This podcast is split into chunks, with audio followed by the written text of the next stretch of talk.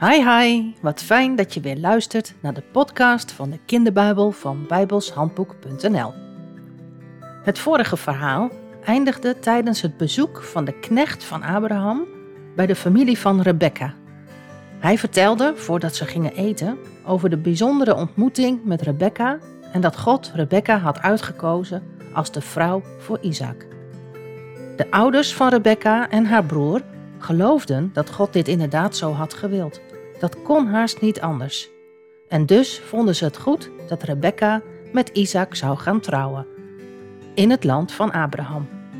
Daar stopten we de vorige keer. Weet je dat nog? En nu gaat het verhaal verder. Eindelijk konden ze gaan eten. De knecht had zijn verhaal verteld en Rebecca zou trouwen met Isaac. En dus was het feest. Het werd een bijzondere avond. De knecht had allerlei cadeautjes meegenomen voor Rebecca. Allemaal gouden en zilveren sieraden en mooie kleren. Ook aan haar broer Laban en haar ouders gaf de knecht cadeaus. Het was heel gezellig en het was erg laat voordat iedereen in bed lag die nacht. Wat was het een bijzondere dag geweest en wat een feest was het geworden. Toch sliep de knecht niet even lekker uit. Hij stond de volgende dag alweer vroeg op. Hij wilde eigenlijk diezelfde dag direct weer op reis, terug naar het land van Abraham. Maar de ouders van Rebecca schrokken daarvan. Dat ging wel heel snel. Kon Rebecca niet nog even blijven? Nog een paar dagen, tien dagen of zo? Dan konden ze nog even wennen aan het idee dat Rebecca weg zou gaan. Kun je je voorstellen hoe moeilijk het voor Rebecca's ouders moet zijn geweest om haar te laten gaan? Zo ver weg? Maar de knecht vond het geen goed idee om nog langer te blijven.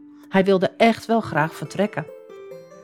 Laten we het Rebecca zelf vragen, zeiden Laban en zijn moeder. Ze riepen haar en vroegen: Wanneer wil jij vertrekken, Rebecca? Wil jij nu al met deze man meereizen of wil je liever nog even hier blijven?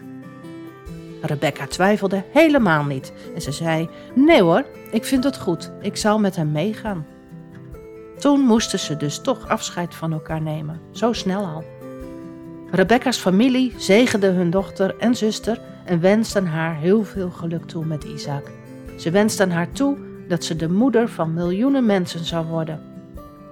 Rebecca en haar verzorgster klommen op de kamelen en ze gingen met de knecht mee op reis naar Canaan, het land van Abraham, op weg naar Isaac. Het was avond toen ze aankwamen. Toen Rebecca verderop in het veld een man zag lopen, vroeg ze aan de knecht wie die man was. Oh, dat is vast Isaac, zei de knecht. En ja hoor, het was Isaac. Hij liep in het veld omdat hij niet stil kon zitten in zijn tent. Hij was in het veld om te bidden. Hij hoopte zo dat de knecht snel terug zou komen. En hij hoopte zo dat het de knecht gelukt was om een lieve vrouw te vinden. Hij keek op en daar zag hij opeens vanuit het noorden een stoet aankomen. Tien kamelen telde hij. Dat moest de knecht wel zijn. En hij zag een jonge vrouw op een kameel. Zou het dan echt gelukt zijn? Hij liep snel in de richting van de kamelen. Rebecca bedekte zichzelf met een sluier. Daardoor zag ze er meteen al uit als een bruid die gaat trouwen. Daar kwam Isaac aan. Zijn gezicht straalde. Zo blij was hij dat de knecht terug was.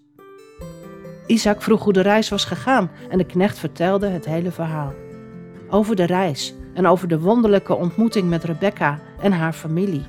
En hoe de Heere hem had geholpen bij het zoeken van de juiste vrouw. God had hem bij Rebecca gebracht.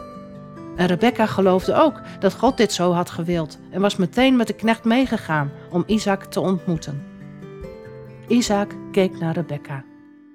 Wat was hij blij en wat was hij dankbaar.